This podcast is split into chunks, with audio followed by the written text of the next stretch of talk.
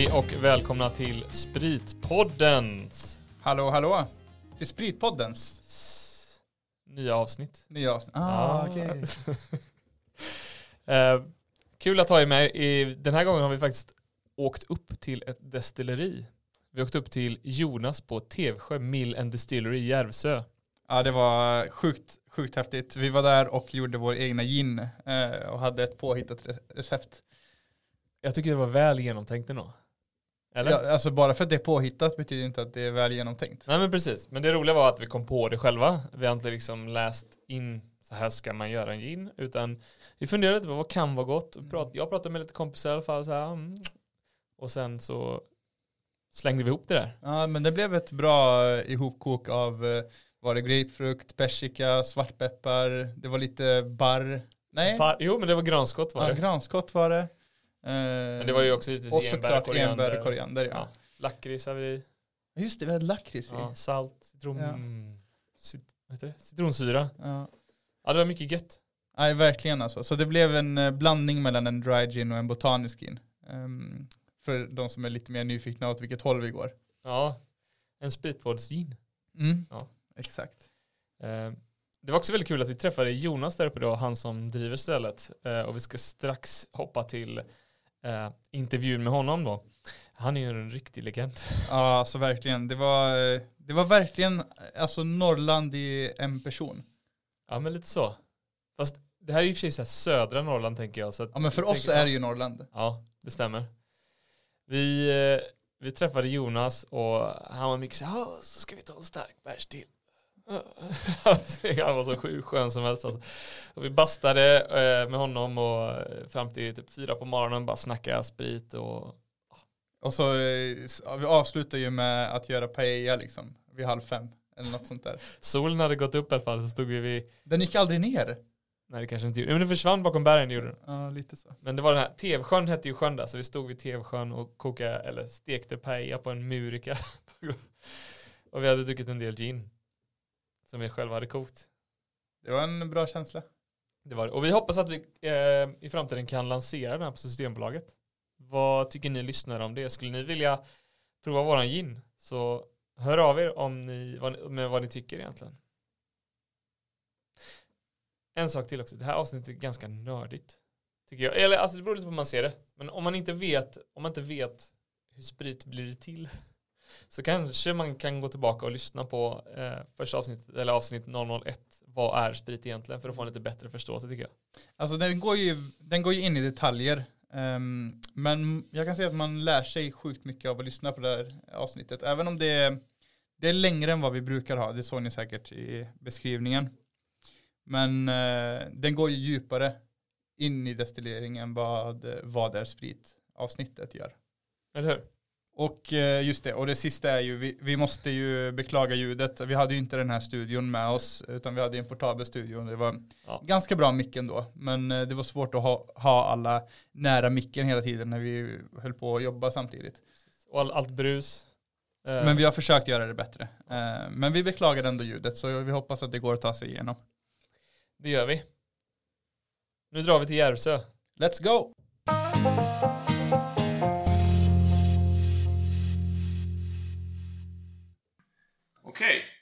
Då har vi alltså åkt upp till Tevsjö, till Tevsjö destilleri här för att eh, kolla in. Hur gör man sprit på riktigt? Få lite hands-on experience, eller vad säger du Pierre? Exakt, Ja. exakt.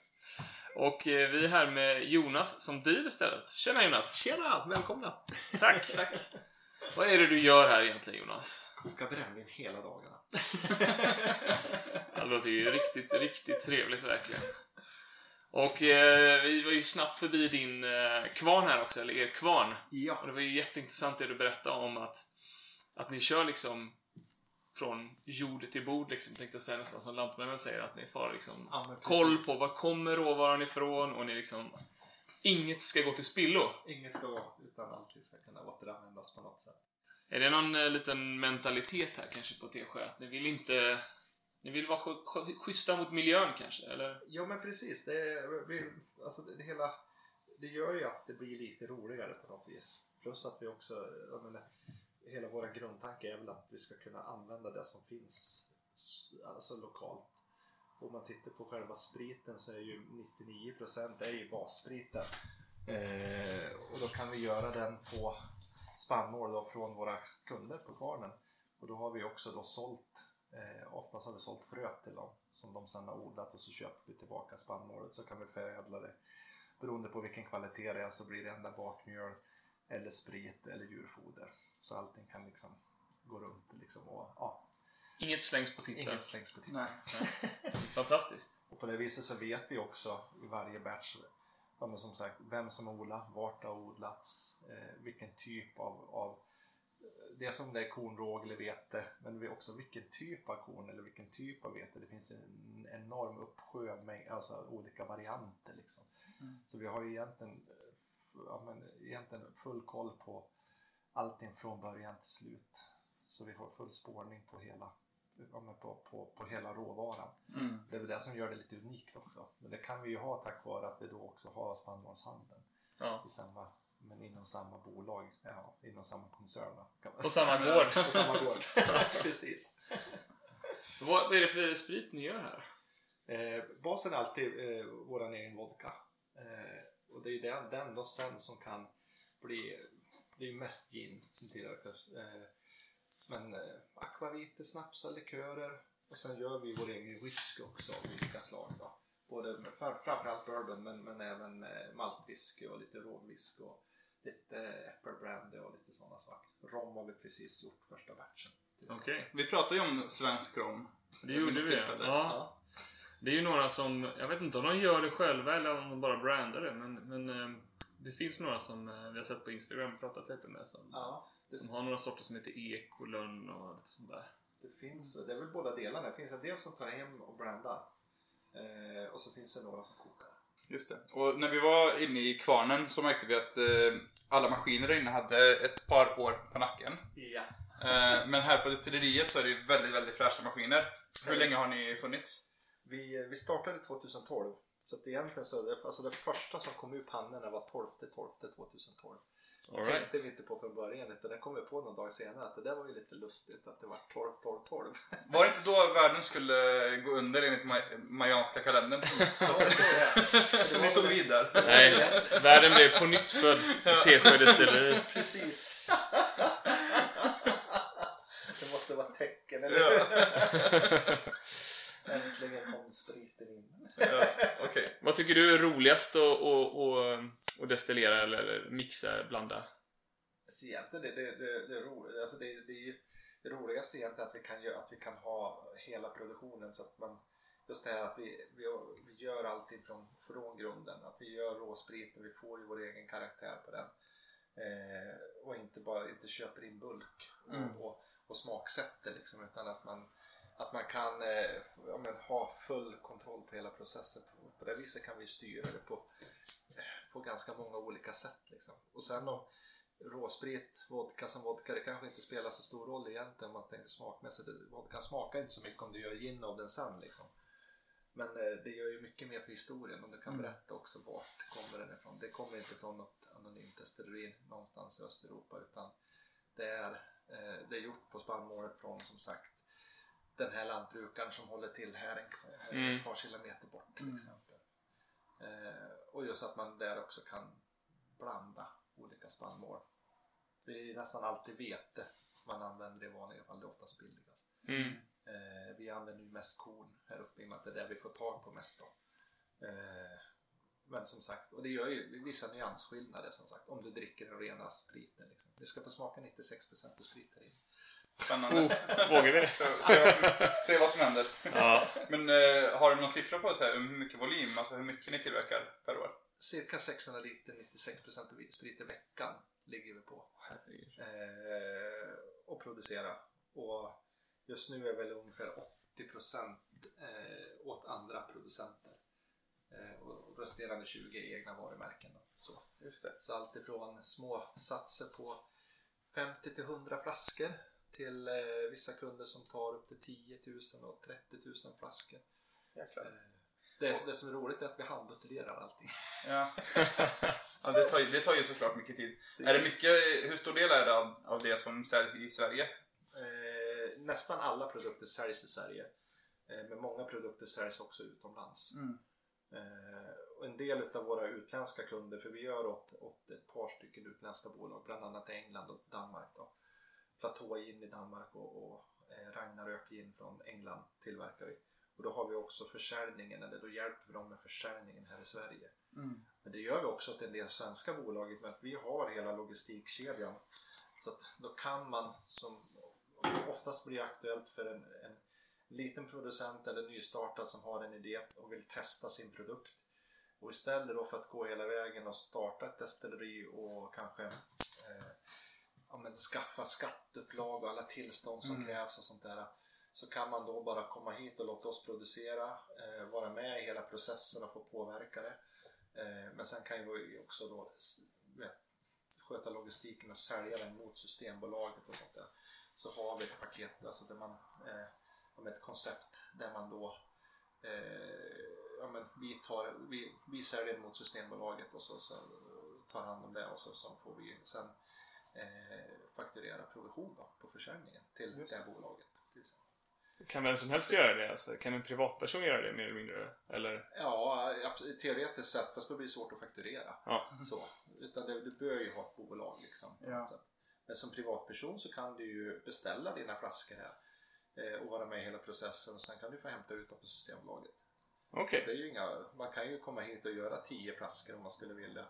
Eh, och så som sagt så, så, så hjälper vi till och visar hur det går till att göra en privatimport. Så kan du Mm. få ut dina flaskor på vilket systembolag du vill i Sverige. Det är kanske är det vi ska göra med det vi ska göra idag. Ja. Ja, det ska vi väl göra. Är klart hoppas det. Jag ska göra det. För jag tänkte på det här med 600 liter i veckan. Alltså, en svensk dricker i snitt 9 liter sprit per år. Ja, och hälsingar dricker 19 tror jag. Ja, det är skillnad. Men då försörjer ni 60 svenskars årsförbrukning i veckan. Ja, Det är mycket alkohol. fast då är det 96. Så vi, Ja, 600 just det. 96. Ja. Det blir nästan två och en halv gång vanlig vodka. Ja. Kan jag säga. Det är, en, eh, det är en cool siffra verkligen. Vi måste ju, det är det vi säger, det är det, på det viset vi bidrar till folkhälsan.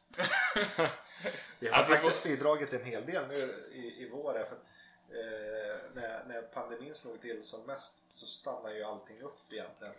Eh, men helt plötsligt så fanns det ju ingen ytdesinfektion eller någonting. Så att bara på kort tid så kokade jag, och då lät jag verkligen pannorna gå dygnet runt. Eh, Så vi fick på sju, knappt åtta veckor så fick vi fram 12 kubik ytdesinfektion och handsprit som vi skickade framförallt till äldrevården till kommunerna. Så i stort sett från Gävle och ända upp till Luleå har vi skickat ytdesinfektion till i stort sett ja, nästan var, ja, varje stad. Just det, för då behöver du inte tillsätta lika mycket för att få det att bli hudvänligt. Och, Nej, ja, vi, vi, gjorde, vi hade ju ett recept då. När det gäller ytdesinfektion då tillsätter man ju tensider som gör att det löser smutsen. Mm. Och vill du ha handsprit så tillsätter vi också någon typ av, av mjukgörande medel liksom, så att du inte torkar ut dem. ja. Så vi har båda delarna liksom. Det är egentligen samma bas. Det är ju våran vodka som är med bas. Och så sen så tillsätter man ju andra medel som gör att det ska smaka illa liksom.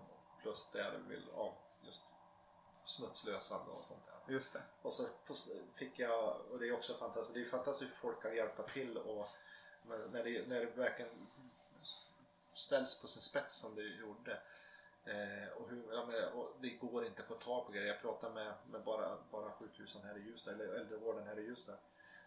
Alltså de, de skrek liksom efter men desinfektionsmedel och det, de, det fanns ju ingenting. Det fanns ingenstans. Nej. Och när jag började titta, jag fick inte tag på flaskor. Eller, alltså det, det var slut på allting. Du vet, flaskor med pumpar kommer in i september, finns fortfarande inte.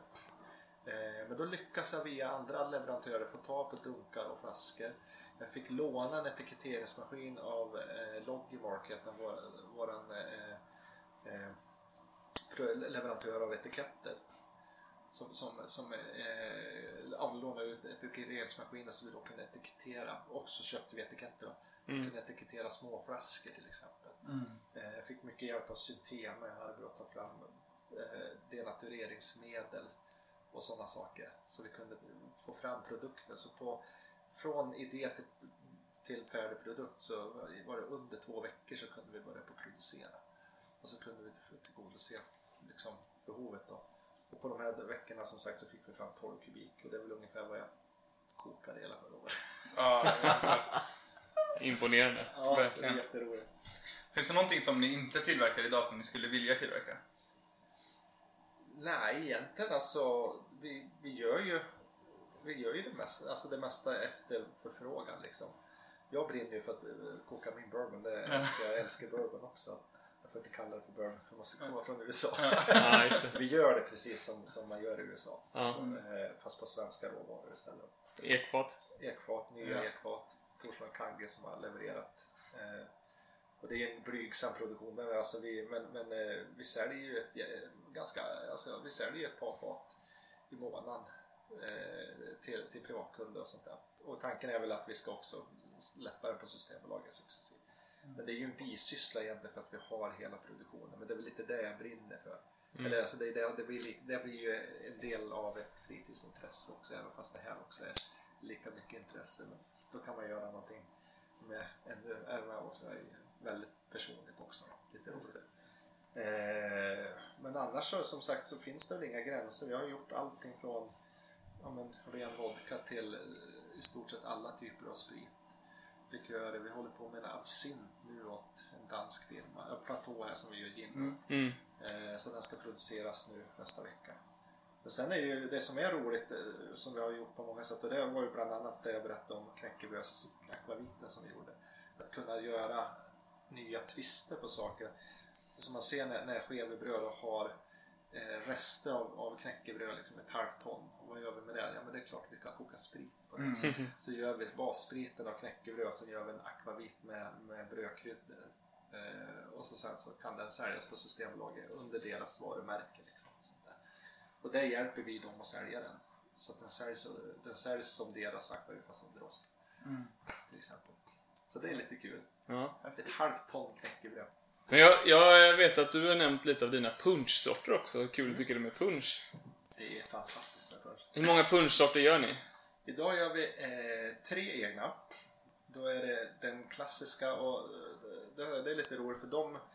Alltså, den, den heter Ruderts punsch. Och det kommer av ett recept från en familj från Dalarna, från Tänger. Eh, och de två, två utav de bröderna som finns kvar idag, det är deras familjerecept som de har ärvt från pappa till pappa, liksom, eller ja, i generationer. Då. Eh, två av de bröderna kommer och äter ikväll. Så kan ni intervjua dem lite grann om punschen. Ruderts punsch. Gärna. Eh, så det är våran standard. Och sen gör vi även den som är premiumvariant i ett fat. Och då har jag ett stort 500 liters fat, ett gammalt sherryfat som Smögen Whisky har använt tidigare till sin whisky. Och det använder vi som ett Solera-fat, så det fyller jag fullt då. Så tappar jag efter ett år 150 liter och fyller på med nytt. Nu är vi inne på tredje tappningen på det, så det blir liksom en blandning av årgångar. Så den smakar olika för varje år och den släpper vi till jul. Så då kommer årets premiumpunsch liksom. Spännande. Eh, 150 liter, så 300, 300 flaskor per år släpper vi. Den är, och den den är jättetrevlig. Och den har ju en lätt rökig ton i och med att det har varit rökig whisky på så, Men den tunnas ju också ur från år från år. Ja, just det. Eh, och sen gör vi på eh, punsch med gransirap åt en tjej i Ånge. Då kokar hon gransirapen och så tömmer vi den istället för en del av sockret och honungen. Vi kallar den för såklart. Grunch, granpunsch. och så har vi en, eh, ett, ett, ett punschrecept som vi hittat från en gammal apotekare i Ljusdal. Som heter Olle Bodell. Eh, och de kommer från Fluren som ligger två mil upp i skogen här, en liten skogsby. Eh, och ja, efter det receptet då, så, så får den ju heta flurpunsch såklart. Eh, och det är en lite mognare punsch. Apotekarna, det var ju oftast de som gjorde punsch och sådär. De blandar ju också i egna i kryddor och idéer. Så han har lite gentianarot i, i sin, samma som man har i, i fänet och sånt där. Det, det är ju otroligt bitter. Så den smakar verkligen liksom eh, vuxet. Mm. Så punsch är roligt och det kommer tillbaka. Vi använder punsch i alla romdrinkar. Så när vi hade restauranger så körde vi mojitos till exempel på punsch istället för rom. Det blir faktiskt ännu godare. Okej. Jag kan tänka mig det alltså. Det kanske är punch som kommer bli mer... Vi pratade ju innan vi började spela in om att ginen har ju blivit mer och mer populär Ja. de senaste 15 åren. Eh, då kanske punch kommer bli Punsch kommer det nya. Ja. Ja. Och just när man använder, använder du punschen då till exempel i mojito så behöver du inte använda lika mycket socker. Det har ju redan sötman och du får ju verkligen den här rom, eh, ja, men söta så här smaken liksom. Mm. Så att det, nej, den är helt, det är jävligt bra. Magiskt, magiskt. Ni, ni, ni kan ju göra lite olika, eh, olika typer av sprit. Mycket på grund av att ni både har enkelpanna och kolonnpanna. Ja, precis. Plus den korta kolonnen också så det kommer verkligen variera vad man vill göra. Mm. Så från ren sprit till riktigt skitig sprit om man säger så då. Så det, Ja. Får fråga, hur, eh, hur började det hela? Hur kom du in på det? Har du alltid destillerat sedan du var liten? det är preskriberat nu. jag har väl alltid varit intresserad på något vis. Jag tror väl aldrig att jag skulle ha ett eget destilleri. Men i och med att jag träffade Anna och min fru eh, som drev TV Kvarn här då. Så eh, började vi väl på spåna i vad vi kunde göra med kvarn. Alltså om vi kunde ha någon mer typ av Mm. produktion här istället för bara foder och bakmjöl. Eh, och då kom, egentligen så vi satt, vi åkte utomlands, vi åkte till Tassos, den här grekiska ön. Ja. Så skulle vi planera vårt bröllop. Eh, och så satt vi väl efter lite för mycket rödvin en kväll på någon taverna där och satt och planerade. Eh, och då kom vi in på att, ja men fan vi bygger ett destilleri, eller jag sa väl det. Hon tyckte väl att jag var lite knäpp. men eh, vi började på att titta lite sakta men säkert på det och tre år senare så satt vi igång och bygga. Då hade vi sökt tillstånden som behövdes och sådana saker. Så byggde vi ett år ungefär tills det var klart. Och sen har det ju under årens lopp förändrats och grejer. Så. Men det var, det var lite det som var grunden. Och det hade inte blivit om det inte hade varit för att vi hade kvarn och själva spannmålsproduktionen. Det är Mm. det som gör att vi då kan göra allting också från grunden. Liksom. Eh, och mig vetligen, det är väl det som gör det lite unikt. Jag vet ingen, ingen mer som gör, eller som har spannmålsförädling också. Eh, jag menar, inom samma, samma koncern det kan det finnas. Men eh, då kan vi liksom verkligen ha allting inom, ja, man, vi behöver inte lägga bort någonting utan det, vi gör allting in- under samma tak mer eller mindre. Ja. Mm. Och vi har full spårbarhet på det. Så det är kul. Läckert. Verkligen. Jag tänkte lite på den här loggan som ni har på era flaskor här. Ja. Vad, vad kommer den ifrån? Vad betyder den?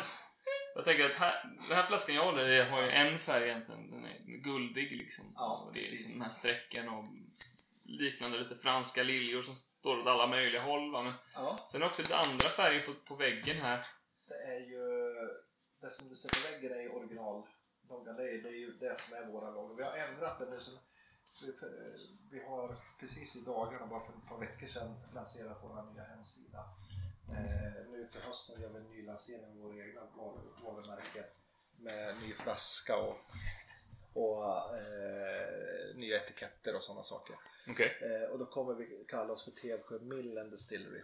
Ju, av någon anledning så man glömmer bort det, man blir lite blind, hemmablind eller vad man säger.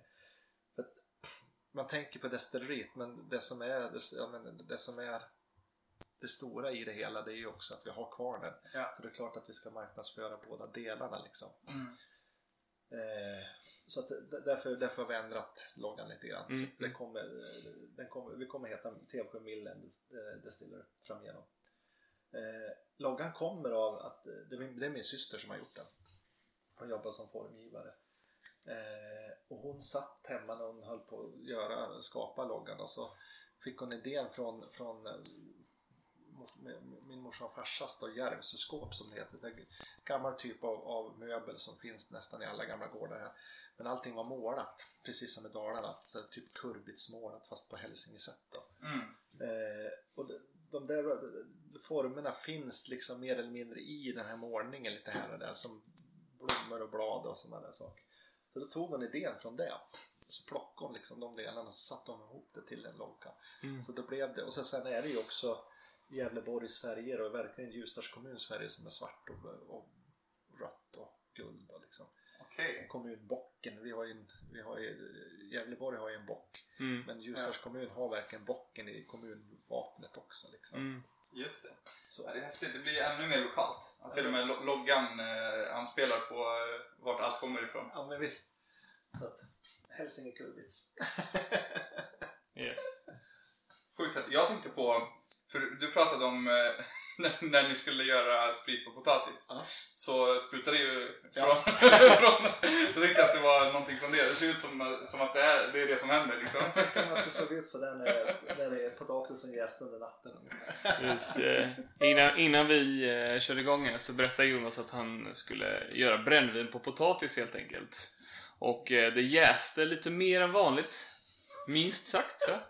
Hade, hade, på natten så hade det verkligen sprutat ur jästanken. Och fyllt hela golvet på övervåningen. Så hade det runnit ner efter väggarna på nedervåningen. Och hela golvet på nedervåningen var fullt av potatissmet. Så det var väldigt mysigt att ta reda på. Det tog en hel dag att ta reda på Det det är där. Vi har ju pratat om att eh, man kan göra alkohol på allt som har eh, stärkelse i sig. Mm.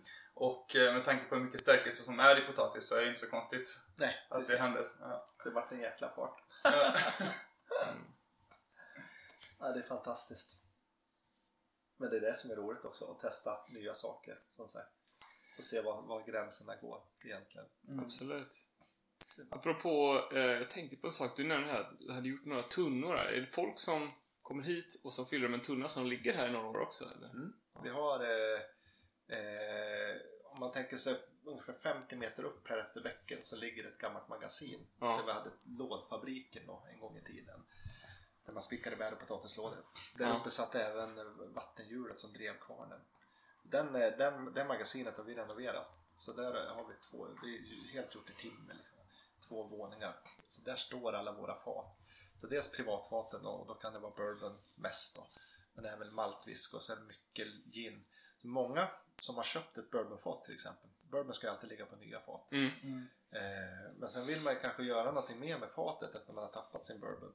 Nästan all skotsk maltwhisky ligger på begagnade bourbonfat. Ja. Över 90% är det. Så då kan du fylla malt på ditt bourbonfat så har du gjort hela processen. Du har fått din bourbon och sen får du din malt. Och efter det kanske du också vill göra någonting och då väljer folk oftast att kanske fylla gin på fatet. Som har haft bourbon och sen malt och sen gin. Så det blir lite kul. Då Verkligen. får du liksom eh, använda fatet i flera steg, steg också. Mm. Sen har vi lite experiment där. Om, ja, men dels fatlagrad punch och fatlagrad akvavit ligger där uppe. Mm. Apple brandy och sådana saker. Rågwhisky och sånt där. Så man kan liksom ta sitt gäng med gubbar och gummor och komma hit och, och, och köra en dag här och göra lite sprit och sen så Ja, kommer man tillbaka en gång om året kanske provar av den eller? precis. Har man, är, det, är det bourbon och, och, och sånt där, då har jag oftast producerat det redan. Men man får vara med och fylla om man vill. Mm. Men vill man så kan man ju ha ett, e- ett eget ginrecept och så kan man inte ta fram det liksom under en dag. Och vill man ha den fatlagrad så, så, så fixar vi det och lägger vi upp det för Mm. Mm. Så det, och så som sagt så kan man gå upp och titta på fatet när man vill och sånt där. Vi håller på att det eh, drar så att vi ska kunna ha en webbkamera som sitter uppe så man när som helst kan gå in och kolla till så att det- inte jag går och tullar på det. Det blir bara mer och mer modernt. Ja, precis. Det är kul. Ni ska göra lite mer här för att kunna eh, ta nytta på allt. All Ja. energi framförallt. Precis, vi håller på eh, i, i, i, eh, ja, steg för steg här och försöka knyta ihop kretsloppet hela produktionen. Och det är ju framförallt för att vi har eh, de- dels för att det, det, det är dit vi vill komma, det är, det är, lite, det är lite där vi brinner för att vi ska kunna få eh, en helhet som, som, som blir eh, både miljövänlig eh, men framförallt också eh, ekonomisk. Alltså det, det, kan du ta tillvara på alla biprodukter istället för att slänga bort dem så känns det bättre och det ger ju också bättre, alltså det, det ger ju bättre, eh, vad ska man säga, eh, lönsamhet i, i företaget och man kan använda saker och ting istället som sagt för att kasta bort. Och det är lite så vi måste börja tänka också tror jag i framtiden. Vare sig vi vill eller inte så måste vi göra det. Mm. Eh, så tanken här är det går ju åt enorma mängder energi. Egentligen från början när vi använder, när vi, när vi har malt sp- spannmålet då på kvarnen så har man oftast tagit av skalet. För det vill man inte ha i själva produktionen. Det säljer vi oftast till hönsägare runt omkring för det använder man istället för sågspån till hönsen Mm. eh, som strö och då är det ju även lite frö och sånt där i det så då kan de gå och picka i och sånt där och det älskar hönsen så då kommer det till användning. Eh, och, sen, och sen när vi kokar då så går det åt enorma mängder mängd energi att värma upp allting. Och sen så ska man ju kyla ner det här. Och kylvattnet som vi pumpar igenom det kommer ju tillbaka som hetvatten. Och det är, då kanske vi pumpar ut någonstans mellan 6 till 9000 liter 80-gradigt vatten i timmen nästan dygnet runt. Så vi har räknat på det och haft lite mätningar på flöden och sådana där saker och temperaturer. Eh, och teoretiskt sett så skulle vi kunna driva nästan 1000 kvadrat växthus eh, mer eller mindre året runt. Man får ju testa, det är möjligt att man måste stänga ner vissa delar mitt i vintern eller något sånt där. Men teoretiskt sett 1000 kvadrat året runt och kunna odla någonting med den energin som vi kastar bort idag. Och då kan man ju liksom egentligen driva två verksamheter med samma energikälla.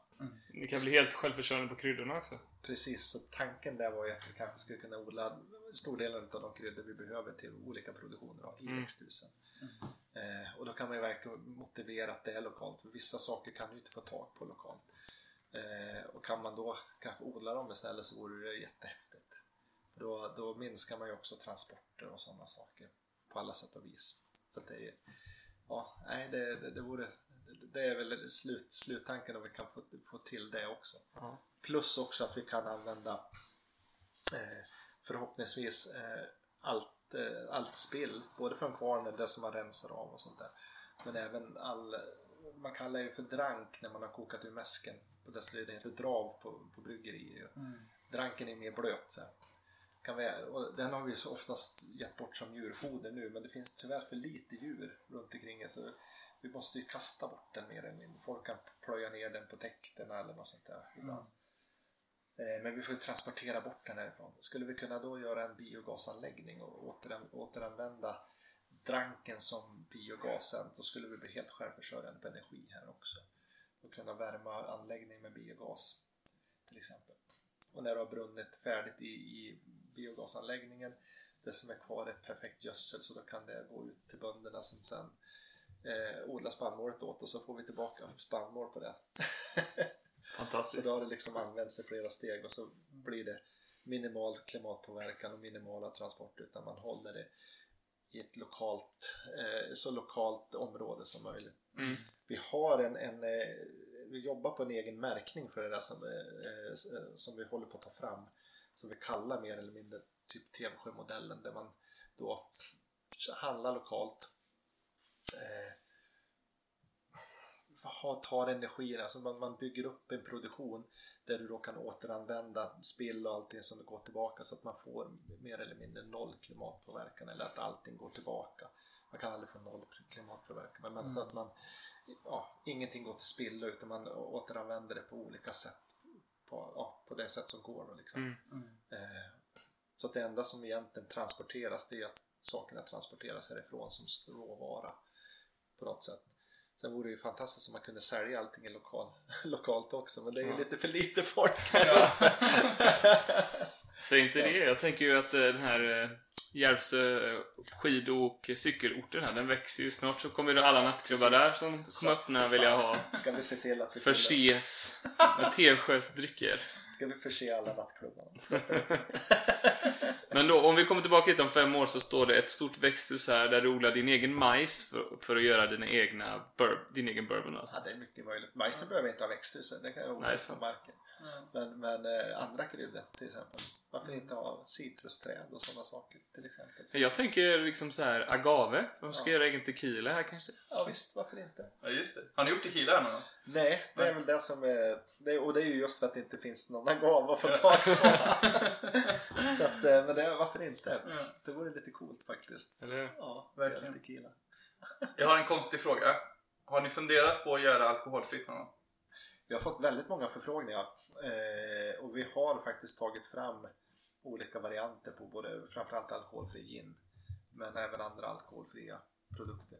Det, det, det, som, alltså det, det är betydligt svårare att göra alkoholfria produkter eh, och få smaken att bära. För som sagt alkohol är en smakbärare så att säga och det, du får det är mycket enklare att lösa smakämnen i alkohol än i vatten till exempel. Eh, och så sen så är det väldigt lätt att det smakar bara lite fadd vatten. Alltså det blir lite ja, du får ingen sting i det liksom utan det smakar liksom som dålig saft. Så det gäller verkligen att, att hitta bra recept där. Eh, men det går. Och eh, det, det är, men det är som sagt det är, det är en utmaning så, att få till det. Eh, men det kommer på väldigt många, eller väldigt många som frågar efter det. Mm. Kan Nej, man få men- till en bra gin så, så, så varför inte liksom. Ja. Så är det ju. Mm. Och det är ju ganska häftigt att om, om, man, om man får till liksom en, någonting som verkligen smakar gin fast det inte har alkohol i sig. Liksom. Mm. Så att, eh, men det, är så, det, det, det, det stora tricket är, det är också att du, du behöver vara otroligt noga med rengöring och sånt där, just tappning och sånt där, för du har ju heller ingenting. Det är ju, det är, det är ju inga konstigheter då, med, med efterjäsning eller bakterier, alltså du vet att någonting ju bli surt när det gäller sprit, för det är ju så jag tillverkar ju desinfektionsmedel med det. Ja. Men ska du göra någonting som är alkoholfritt så får det ju inte hända saker i det. Då får du ju ett bäst före-datum också. Liksom. Mm. Ja, Så det. såklart. Du kanske måste pasteurisera det och lite sådana saker. Mm. Så, att, så där får man vara nog. Okej. Spännande. Vi får, se, vi får se vad ni kommer fram med helt enkelt. Precis. Mm. Men vi står ju här i, utanför destilleriet nu. Ja, Ska vi kanske gå in och kolla vad det, vad det är för någonting du har där inne? vi går in. Ja.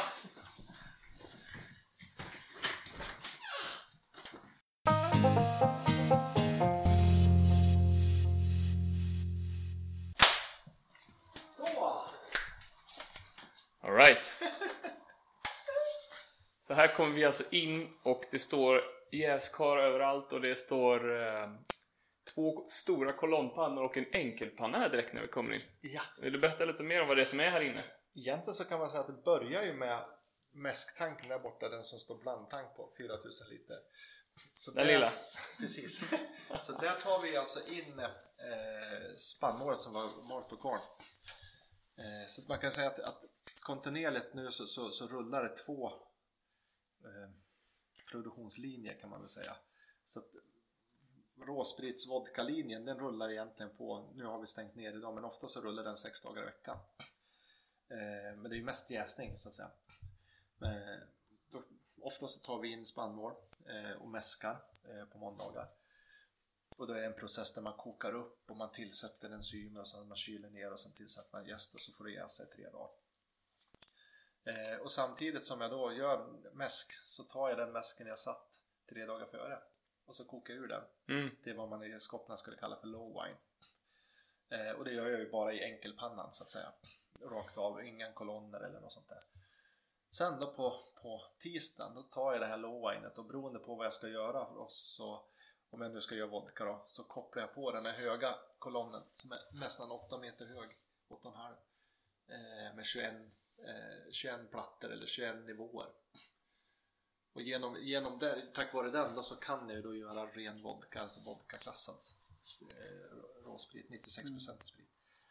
Eh, för att få den 96% så får jag köra den två gånger i den här kolonnen. Och Just varje det, körning, ja, varje körning tar, tar en dag ungefär, eller ungefär 12-13 timmar. Så att vad jag gör på tisdagen då, det är att jag pumpar in lowwinet och så kör jag första rektifieringen som man kallar det för, i den höga kolonnen. Mm.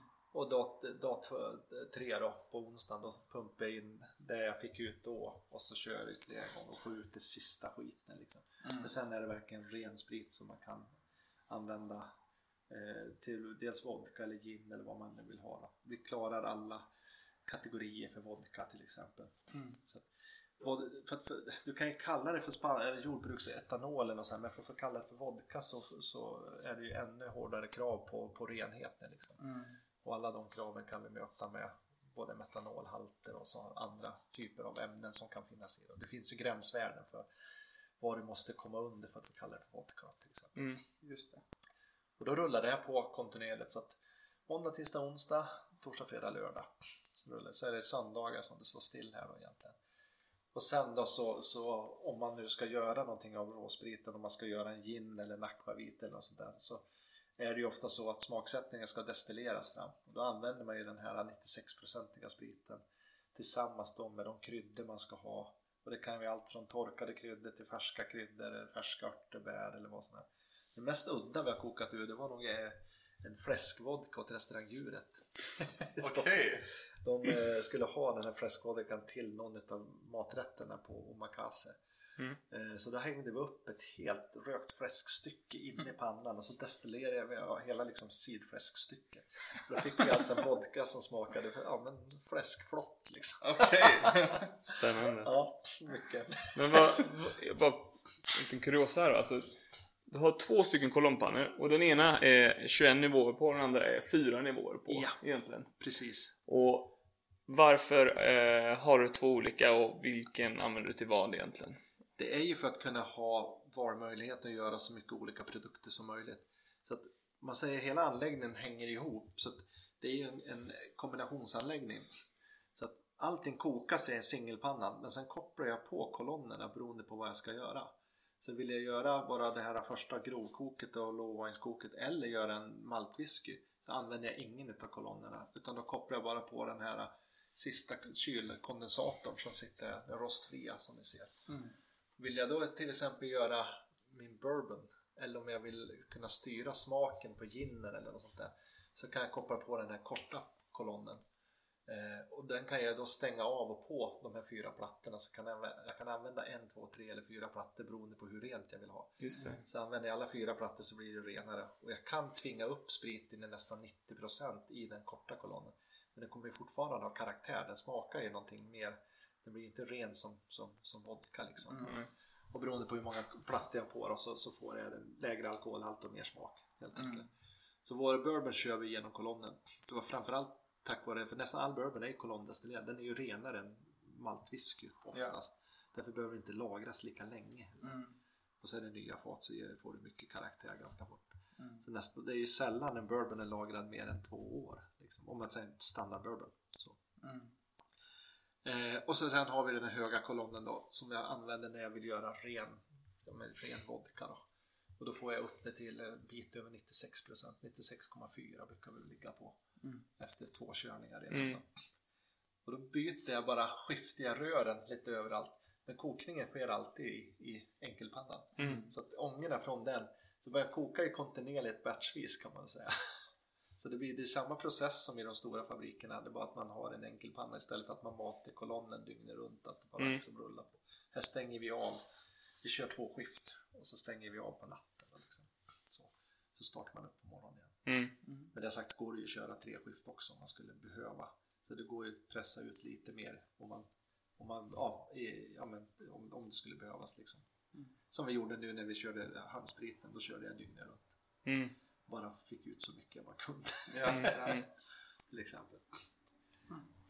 Och sen Okej. är tan- tankarna runt omkring är ju uppsamlingskärl. Jag har en stor 4000 liters tank bakom den här mäsktanken också där jag kan eh, mellanlagra mäsk eller vad jag nu vill göra. Till exempel. Jättespännande. Verkligen. Det är större än man tror när man kommer utifrån. Ja. Verkligen. Vad, eh, vad har du i de här blandtankarna just nu då? Det står knäckebröd här. Är det någonting i den eller har det varit knäckebröd i den? Det är, öppna att se, det är 96% i knäckebrödsvodka. 96% i knäckebrödsvodka. Ska vi se här. Och då var det det här. Det här är nummer två då, som har gjort på, på knäckebröd från Skebybröd. Det Man känner ångorna lite här men det är ändå inte så här. Det är inte den här klassiska... det här är kokat två gånger nu. Det här ska ju nu till veckan och göra akvavit av. Går det att dricka det här? Det är 96% säger jag. Ja, för fan. Det är jävligt bra mot corona. Ja, det luktar ju tonårsfylla nästan. Väldigt stark. Man känner sig torr om läpparna också. Man känner hur alkoholen torkar ut. Har du druckit Allt är 96% i sprit förut? Nej, inte så här i alla fall. Jag, jag kommer ihåg när man var liten så var det någon som hade en sån här sprayflaska de hade lagt i så skulle man spraya det på tungan liksom. Ja. Så här, men jag har aldrig druckit ur ett glas här. I bål kanske någon gång liksom. Jag hade en ryss här som, som han, han drog i sig en deciliter rakt upp och ner. Jag, jag, då kokade precis, jag hade så här rostfritt mått som jag tog upp lite grann. Jag tänkte, men lukta och, och smutta. Ja, Nej, han tog allt upp. en riktig ryss alltså. Ja, bara ruska på sig lite grann, det var inga problem. Man känner sig helt så varm i halsen nu alltså. Det är, det är inte ofta man dricker 96% i sprit alltså. Så just den här då, som sagt, det- här blir ju lite beroende på vilken produktion vi ska göra. Så det här är ju, just den här basspriten är ju framtagen bara för att göra skevebröd då, på deras bröd. Eh, Hur går, har- hur, hur, vad händer sen då? Okej, nu har du den här spriten här. Mm. Hur blir den knäckebrödsspriten? Eh, ju- nu är det ju knäckebrödsspriten. Alltså, alltså nu är det ju... Men är det någon mer blandning eller är det bara butelj? Alltså du ska ju inte ha 96% Nej, i flaskan, eller hur? Nu har vi gjort själva råspriten då till akvaviten. Och Ja. då har vi gjort den på, på knäckebröd. Mm. Så istället för mjöl så har vi använt knäckebröd för att få fram stärkelsen då, som stärkelseråvara. Nu tar jag den här, eh, pumpar in den i pannan igen Och så lägger jag i kummin och anis fänkål och så en sån klassisk eh, akvavitskryddning. Precis som Ope Andersson till exempel. Mm, mm.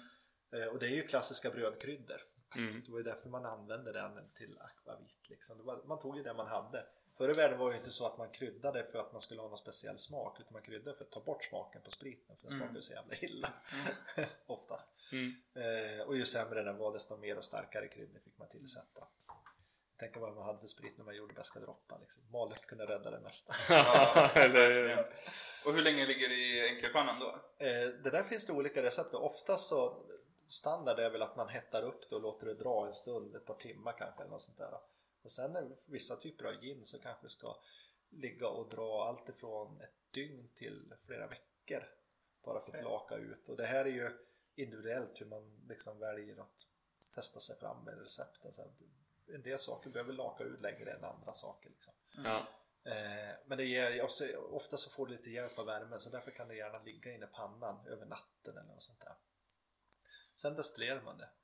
Och det som vi ska göra nu då sen. Så det som är roligt när man har lagt kryddor i sprit liksom, eh, och destillerar det så stann, alla färgpartiklar och sen är det ganska stora partiklar så allt sånt stannar kvar i pannan. Men alla eteriska oljor, doft och smakämnen är lösliga alkohol och de är mycket mindre eh, som partiklar i sig så de följer med ångorna upp. Så den rena spriten som du har haft med kryddorna, då tar krydd, eller spriten med sig alla smaker. Och när du kyler ner ångorna sen så har du fått en ren och klar smaksatt sprit och smakar av det som har legat i pannan. Det är så här man gör parfym också. Mm, mm. Man gör riktiga parfymer. Mm. Eh, och sen får man ju prova sig fram hur mycket man behöver. Vissa kryddor är mer potenta än andra. Behöver inte mycket kardemumma för att det ska smaka kardemumma till Nej. exempel. Så att det kan du förstöra saker med. Liksom. Medan om du lägger i färska blåbär så kan du tömma i hur mycket som helst utan att det smakar någonting egentligen. Du har Mm. nästan inga smak. Det är väldigt mycket färg men ingen smak. Mm. Så. All right.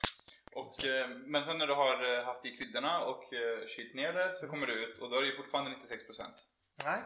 Eh, jag får bara upp till 96% när jag kokar mot den stora kolonnen. Men skulle jag koka med krydd, kryddan mot den stora kolonnen så tar ju den också bort mycket av smakerna. Mm. Nu när jag vill vad heter det, göra ginen så vill jag ju ha de här smakerna. Och då kan jag välja om jag vill använda den här korta kolonnen och, och ta bort vissa smaker. Eller om jag vill köra helt utan kolonn och köra mot kondensatorn. Ofta så gör man det för att man vill ha fram smakerna så mycket som möjligt. Liksom. Mm. Vi kan också istället för att lägga kryddor direkt i pannan så ser ni syns dåligt men i, om du tittar in i fönstret på den här Mm. hjälmen så finns det en kryddkorg där uppe också. Du kan välja att lägga kryddorna i den och bara låta ångorna passera. Så får du en Mm. annan typ av kryddighet. Man kan också sätta en kryddkorg på röret som går ut så att Mm. alla ångor får passera där. Har du korgen i pannan så droppar ju ångorna tillbaka ner så får du lite starkare kryddning än om du har den separat på sidan. Just Det är ungefär som man humlar i, i öronläggningar. Just det, torrhumlar. Mm. Ska vi börja koka gin eller vad säger ni? Gärna. Väl, va? Gärna. Vi gör det. Vi går från, från, från ett basrecept nu då. Mm. På, på enbärskok, eller ginen. Och sen så har man ju receptet så börjar man få lägga till eller dra ifrån egentligen. Just det. Tills man har hittat rätt balans. Ja. Eh, Men man kan, när man har en idé, jag vet inte, alltså, man, man utgår från någon typ av grundidé av vad man vill ha. Och första valet kan ju vara om man vill göra en klassisk dry gin eller om man vill göra en mer botanisk gin till exempel. Eh, enbärstonen här nu är väl någonstans mitt emellan. Så det är lite, den är inte jätteenbärstung. Eh, men, men ändå ganska, eh, det kommer smaka enbär liksom. Så, Ja. Just det. Så nu har vi alltså eh, 50% 10 liter, 50% bas i enkelpannan. Och har mätt upp ett hekto enbär. ja. Grymt. Så utgår vi från det. Och så tar vi, eh, klassiskt sett så, så kan man köra ungefär hälften koriander. Enbär och koriander det är liksom det som gör gin och citrus. Mm, mm, mm. Men det är alltid, det är alltid tyngst med enbär. Okej, så att Jonas, vad vi gjorde var ju att vi tog ju volkan och hällde i där och nu häller vi kryddorna där. Precis. Men jag läste någonstans att man kunde göra sin egen gin hemma genom att köpa vodka, typ Explorer vodka eller någonting. Ja. Och så liksom lägga i kryddorna och låta dem dra ett par dagar. Då blir det gin då. Alltså det blir ju en, en typ av dryck som, som påminner om gin. Kan man väl säga. Men det blir ingen äkta gin för då ska den destilleras. Ja.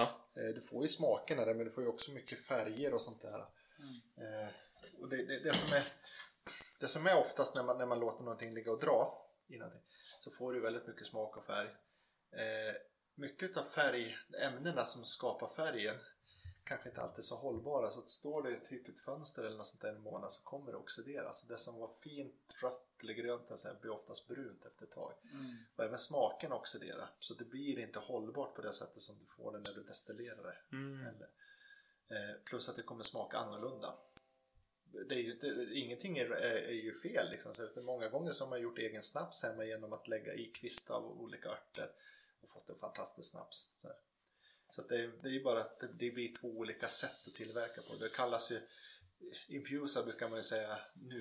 Eh, men maceration är väl det mer klassiska det. sättet. Att man Mm. låter det macerera, alltså ligga och dra med någonting. Och det är ju egentligen det vi gör också innan vi skapar ginen till exempel. Att vi kan låta kryddorna ligga och dra och laka ur. Men sen destillerar vi för att få renheten som en gin är. För en gin är ju alltid blank. Ja, inte alltid. För nu alltid. är- Men det är precis, det är, du får ju en dryck som smakar. Ja. Och du får ju samma krydd, alltså samma smaker så. Vad är det som krävs utöver att man ska göra på det här sättet för att det ska få kallas en äkta gin? Eh, egentligen, så du har nästan hårdare krav på, på råspriten än på, på vodka så det ska vara ännu renare. Det behöver vara renare än vad vodka behöver vara. Okej, Eh, om man ska läsa. Det finstilta. ja precis. Eh, det måste ha starkast karaktär av enbär. Mm. Och för att få kalla det för distilled gin då så, så måste det destilleras. Annars är det ju som sagt vanligt att man använder smaktillsatser Mm, mm. på något sätt liksom, och, och skapar med vodka och någon typ av blank smaktillsats så, så har du fått smakerna på det viset. Också.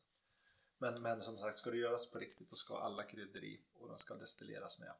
Och ka- starkast karaktär av enbär, det måste vara enbär måste vara i, annars får inte bli en gin. Och sen är det nästan alltid koriander och nästan alltid någon typ av citrusfrukt. Men det finns egentligen inga andra regler för vad du får tömma i. Liksom. Du kan ju tömma i allt. Det finns ju några som har tömt i myror i gin, ett ants gin. Och Istället för citrus då så använder du, har ju myrsyran då, Mm. liksom, så får du sy, av syrligheten från myrorna istället. Butchers gin i England kör entrecôtefett i sin till exempel. Så att, liksom, ja, det, Det finns varianter. det finns varianter på allt. Liksom, så här. Här har vi tagit lite eh, citronskal. All right. Du får väldigt Då doftar vi lite. Verkligen stark... Eh, all right. 81 grader i, i kondensatorn. i kondensatorn. Och ginen rinner eh, ner här helt enkelt i våran hink. Spritpodden-hinken. Sprithinken. Sprithinken. Kanske ska ha en spritpodd-dunk sen. det blir gott. Så det Verkligen. här kommer vi nu då dricka gin och tonic på ikväll. Fantastiskt. Jävlar, du känner svartpepparn redan i det här. Faktiskt. Och så här, det- nu när man kommer hit, det här är ju liksom... Alltså, så, här kan det, men så här kan det ju se ut i, i 12 timmar. Det händer liksom inte. Man får justera flödena lite grann, kompensera med kylvatten och sånt där. Och följa processen, men oftast är det ju bara väntan liksom. Sen mm. man. Men det där är ju inte så mycket tänker jag. Nej. Hur gör du vanligtvis om du gör en stor batch? Låter det gå in i någon av de här 300 liters tankarna. Ja, såklart. Så tar vi med oss hela spannen tycker jag. Och så har vi kåsa. Kåsa. Man får doppa till bara. Eller hur? Det låter som någon form av eh, så här tunna så jag tänker stå på någon båt. Ja. Så när eh, några pirater så här, ska jag ta sig en klunk med rom liksom. Ta kåsan, fyller med den. Härligt. Av sin purser, eller hur? Just det. Pusser. Pusser, ja.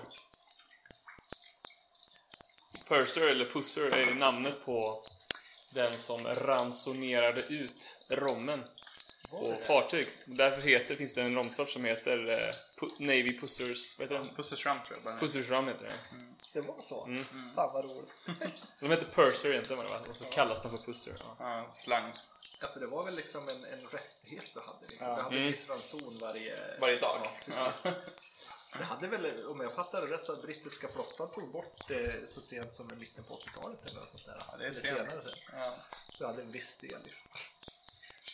Navy Strange Dean var väl för att man inte, det fick inte vara svagare va? För att man- om, om man skulle blöta ner krutet, om någon tunna skulle springa läck så måste det vara, fortfarande gå att använda krutet. Mm. Precis. Ja. Nej, ja, men precis. Vi pratade om det här att man Proof. på krut, gunpowder proof ja. Man tänder eld på krutet och då ska man kunna hälla spriten på utan att det släcks. Ja, precis, precis. Så, så precis. Då heter det Gunpowder Proof. Och grogg kommer väl också från, från eh, en kapten va? Det var också sjön. Jo, Kapten Grogg Och va? späder ut, eh, ja men jag vet, jag vet hette han Kapten Grogg till och med? Tror han Han kallas väl för det? Ja, det kanske. Hette eller kallades eller. Ja. Men att man döpte, han spädde ut rommen för att den skulle räcka längre va? Ja. Och då det grogg. det är jag. Men, men hur gör du med liksom eh, huvud och, och svans och så? Är det någonting som du separerar? Kan man använda det? Kan du sälja det eller göra någon annan typ av applikation för dem? Vi, vi, vi tar ju, i, I den här processen, den här är konstruerad så att det första som kommer ut tar jag bort. Ja, Och då skär jag bort ganska mycket i början eh, och även slutet då. Eh, just nu så skickar vi iväg på destruktion. Men, eh, tanken är att vi, vi, vi konverterar våran panna till att kunna elda det också och använda. För då får jag ut 60 till 70 liter kanske per, per batch eh, som, jag, ja, som jag idag får ka- destruera. Då. För den, den kan du liksom inte använda till annat än att ja, elda med. Drivmedel är ju oftast vad man gör metanol av. Eller hur? Ja. Eh, men då kan jag som sagt då kan jag låta det gå tillbaka till, till produktionen på det viset. Och spetsa på. Jag kan ju teoretiskt sett spetsa den i, i, i oljan idag eller något sånt där. Men man, man behöver förmodligen eh, anpassa pannan till det. Liksom. Så. För de, för de eh, lyssnare som inte förstår vad vi pratar om nu, alltså är, när man destillerar så får man ofta tre delar på grund av att eh, när man kokar det så är det tre olika kokpunkter. Eh, och det är egentligen bara den delen som har den mellersta kokpunkten som är det som man dricker, alltså hjärtat då. Huvudet kokar ju först och sen svansen kokar sist, eller om det kanske är tvärtom. Och egentligen så, så skiljer det sig hela, under hela kokningen. Så du skulle kunna dela upp det i... Det har ju skapat, under jäsningen har ju skapats massor av olika ämnen som alla har olika kokpunkter egentligen. Men det som oftast är, det man vill ha det är det man kallar för hjärta, man delar ju upp det i tre delar. Eh, och hjärtat är ju det som är renast etanol. Det innehåller ju också andra ämnen men det är då under själva tiden då hjärtat kommer så, så är etanolen som då kommer den som, som mest liksom och i sin renaste form. Liksom. Eh, men tar du början på hjärtat så smakar ju det annorlunda än slutet på hjärtat och mitten på hjärtat. Så du kan ju dela upp hjärtat i flera sektioner om du skulle vilja. Till exempel och få olika karaktärer på det. Men det du är väldigt noga med är att du tar bort det första som man kallar för huvud då. Eh, och det för absolut första som kommer det är ju helt grönt i stort sett. Då är det väldigt mycket metanol i. Sen försvinner det, alltså blir det ju liksom mindre och mindre smak på det. Men du låter det ju gå ända tills, tills det smakar i stort sett ingenting. Det är bara ren sprit. Och då kan du ju återanvända, så det första kanske du tar bort det som är mellan, alltså mellan det första och ja, tills hjärtat kommer. Det kan du låta gå tillbaka till nästa batch. Så då får du koka med det när du kokar nästa sats. Liksom. Och kan då trycka ur ytterligare lite mer etanol. För då är det ju liksom en blandning. Då ska man se, om du ser eh, du har ju de olika kokpunkterna som man säger. Men det, det är den optimala kokpunkten. Så skulle man se det i ett diagram så ser du vid en viss temperatur så kokar det si och så mycket och sen stiger så. Du har ju hela tiden med saker och ting. Liksom, så här. Du får, på det viset så kan man, kan man eh, dela, dela upp det eh, ganska, ganska mycket olika egentligen. Men det du inte vill ha, alltså det, hela hjärtat är egentligen drickbart. Även fast den är olika karaktär. Det du vill verkligen ha bort det är liksom det första och det sista som, som verkligen smakar riktigt, riktigt illa. Liksom. Ja. Är det farligt att dricka också, eller hur? Ja, det är det. Det vill man inte ha i sig. Nu är vi, nu är vi klara. Alright. Då är alltså Spritpoddens gin är redo. Ja. Och vi har en hink här full med sprit. Med gin. Och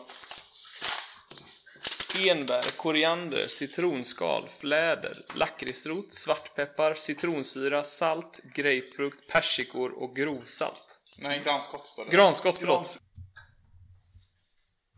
Nu ska vi se vad vi har för alkoholhalt på det här. Ska vi räkna lite grann? Så nu är det alltså 65,5% sprit på 5,5 liter. Och då räknar Jonas ut hur vi ska spä det för att det ska bli lagom nivå, eller hur? Ja. Vilken procentsats skulle vi landa på? Jag skulle säga att, eh, att eh, man, vill, eh, man vill gärna ligga lite över 40, så kanske 45? Mm. Eller hur? 45 låter väldigt förträffligt. Då ska vi tömma i 2,5 liter vatten ungefär, 2,6 liter vatten. Händer det att man spär med någonting annat än vatten ibland?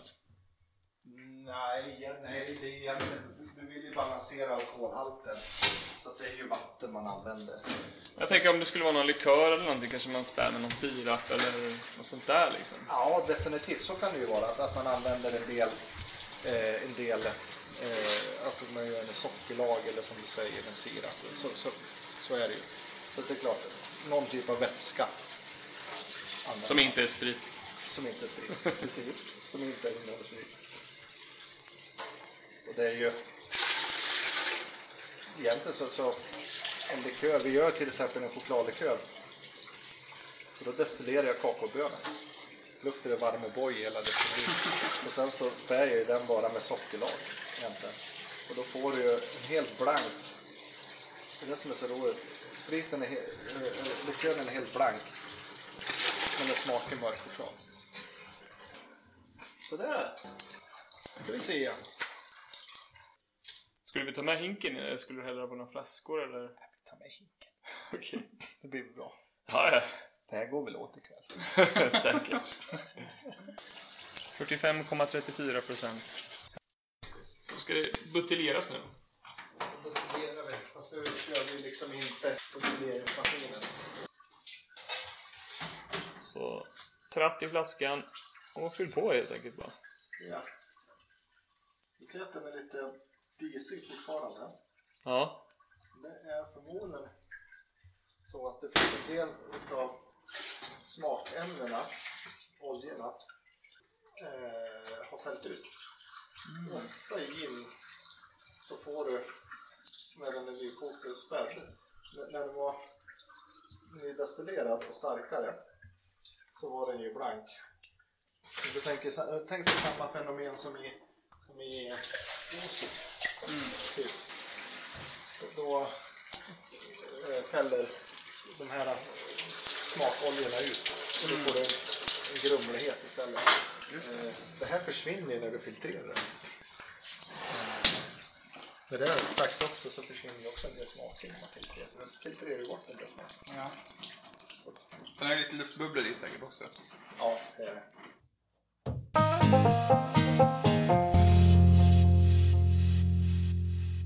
Nu är vi tillbaka i studion. Yes. Eh, vi, det tog ju slut där så här, mitt i allt och inget egentligen. Men eh, det är nog bäst så tror jag. Ja, ginen var ju klar. Vi hade annat att tänka på än att spela in mer, tänker jag. Ja, det fanns mer material men eh, dels var det dålig kvalitet och sen så eh, hade vi börjat, Prova ginen helt enkelt. ja, och eh, det var inte tillräckligt bra poddmaterial. Men vi hoppas i alla fall att ni tyckte om det. Det var, var väldigt kul att åka och göra sin egen sprit.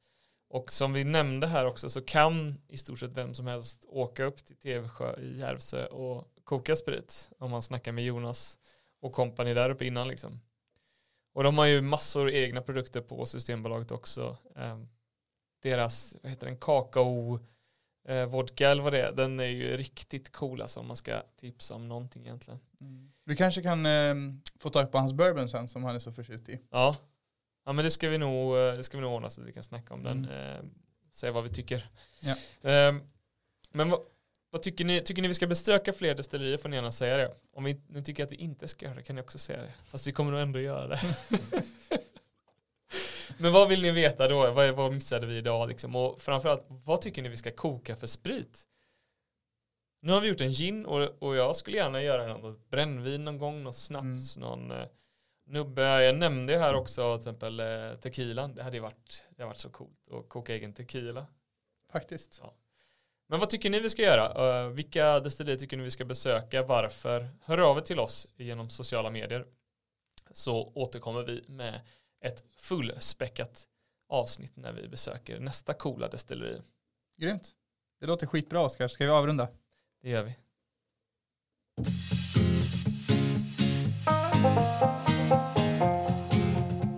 Ha det bra. Hej då!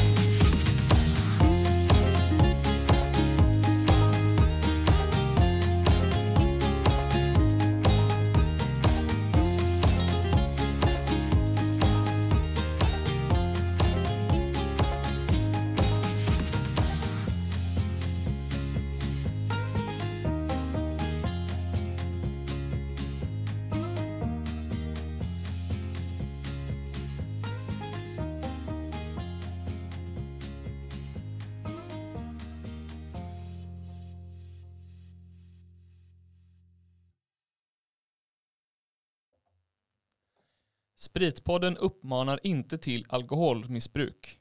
Drick måttligt och ta hand om varandra.